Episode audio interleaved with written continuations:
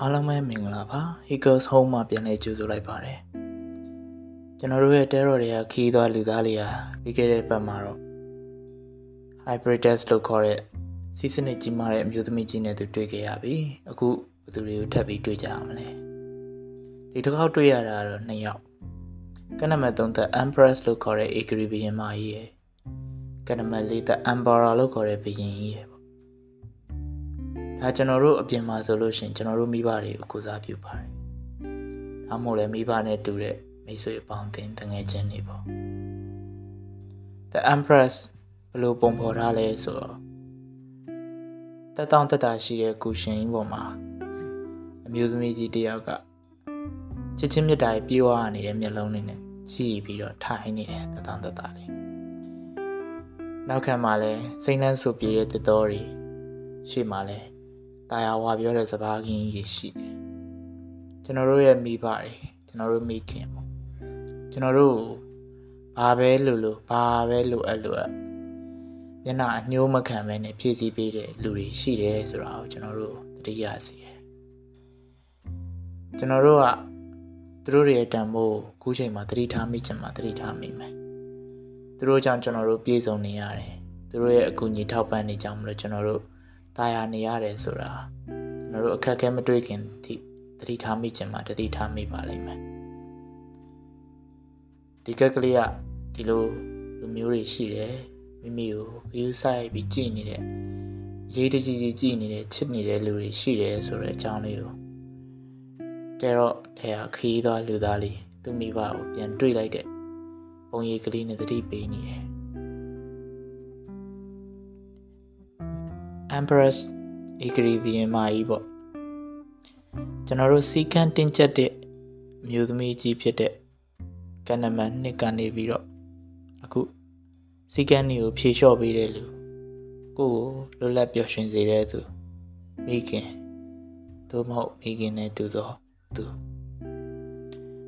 အေးချမ်းတဲ့ချစ်ချင်းမေတ္တာကိုခံစားရစေတယ်ကျွန်တော်တို့တွေပူလောင်လာတဲ့လောကကြီးထဲမှာ မိဘရဲ့အေးချမ်းတဲ့ချစ်ချင်းမေတ္တာကိုခံစားဖို့မေးလျော့နေတတ်ကြတယ်။ထို့တူပဲမိဘကိုအေးချမ်းတဲ့ချစ်ချင်းမေတ္တာတွေပြန်လဲပေးအပ်ဖို့မေးလျော့နေတတ်ကြတယ်။အချို့မိသားစုတွေမှာမိဘတွေမစုံလင်ကြတော့အချို့မိသားစုတွေကြတော့မိဘတွေဟာမိဘ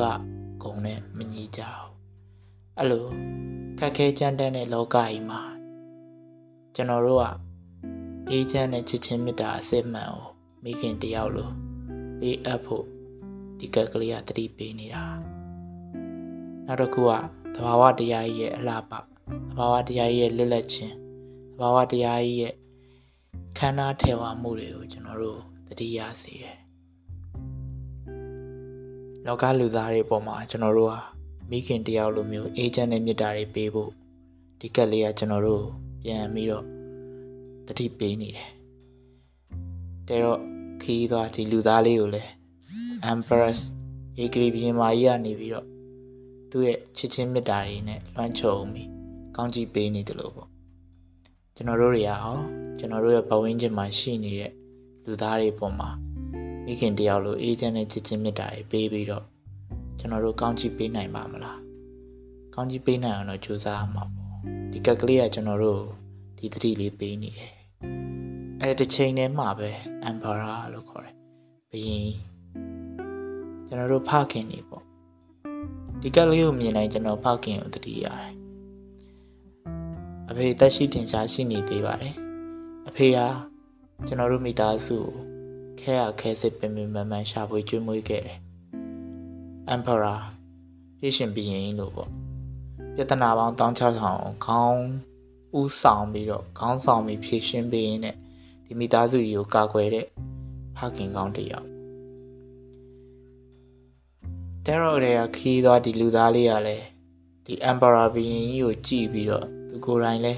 အဲ့လိုပြဿနာတွေကိုဥဆောင်ဖြည့်ရှင်းပြီးတော့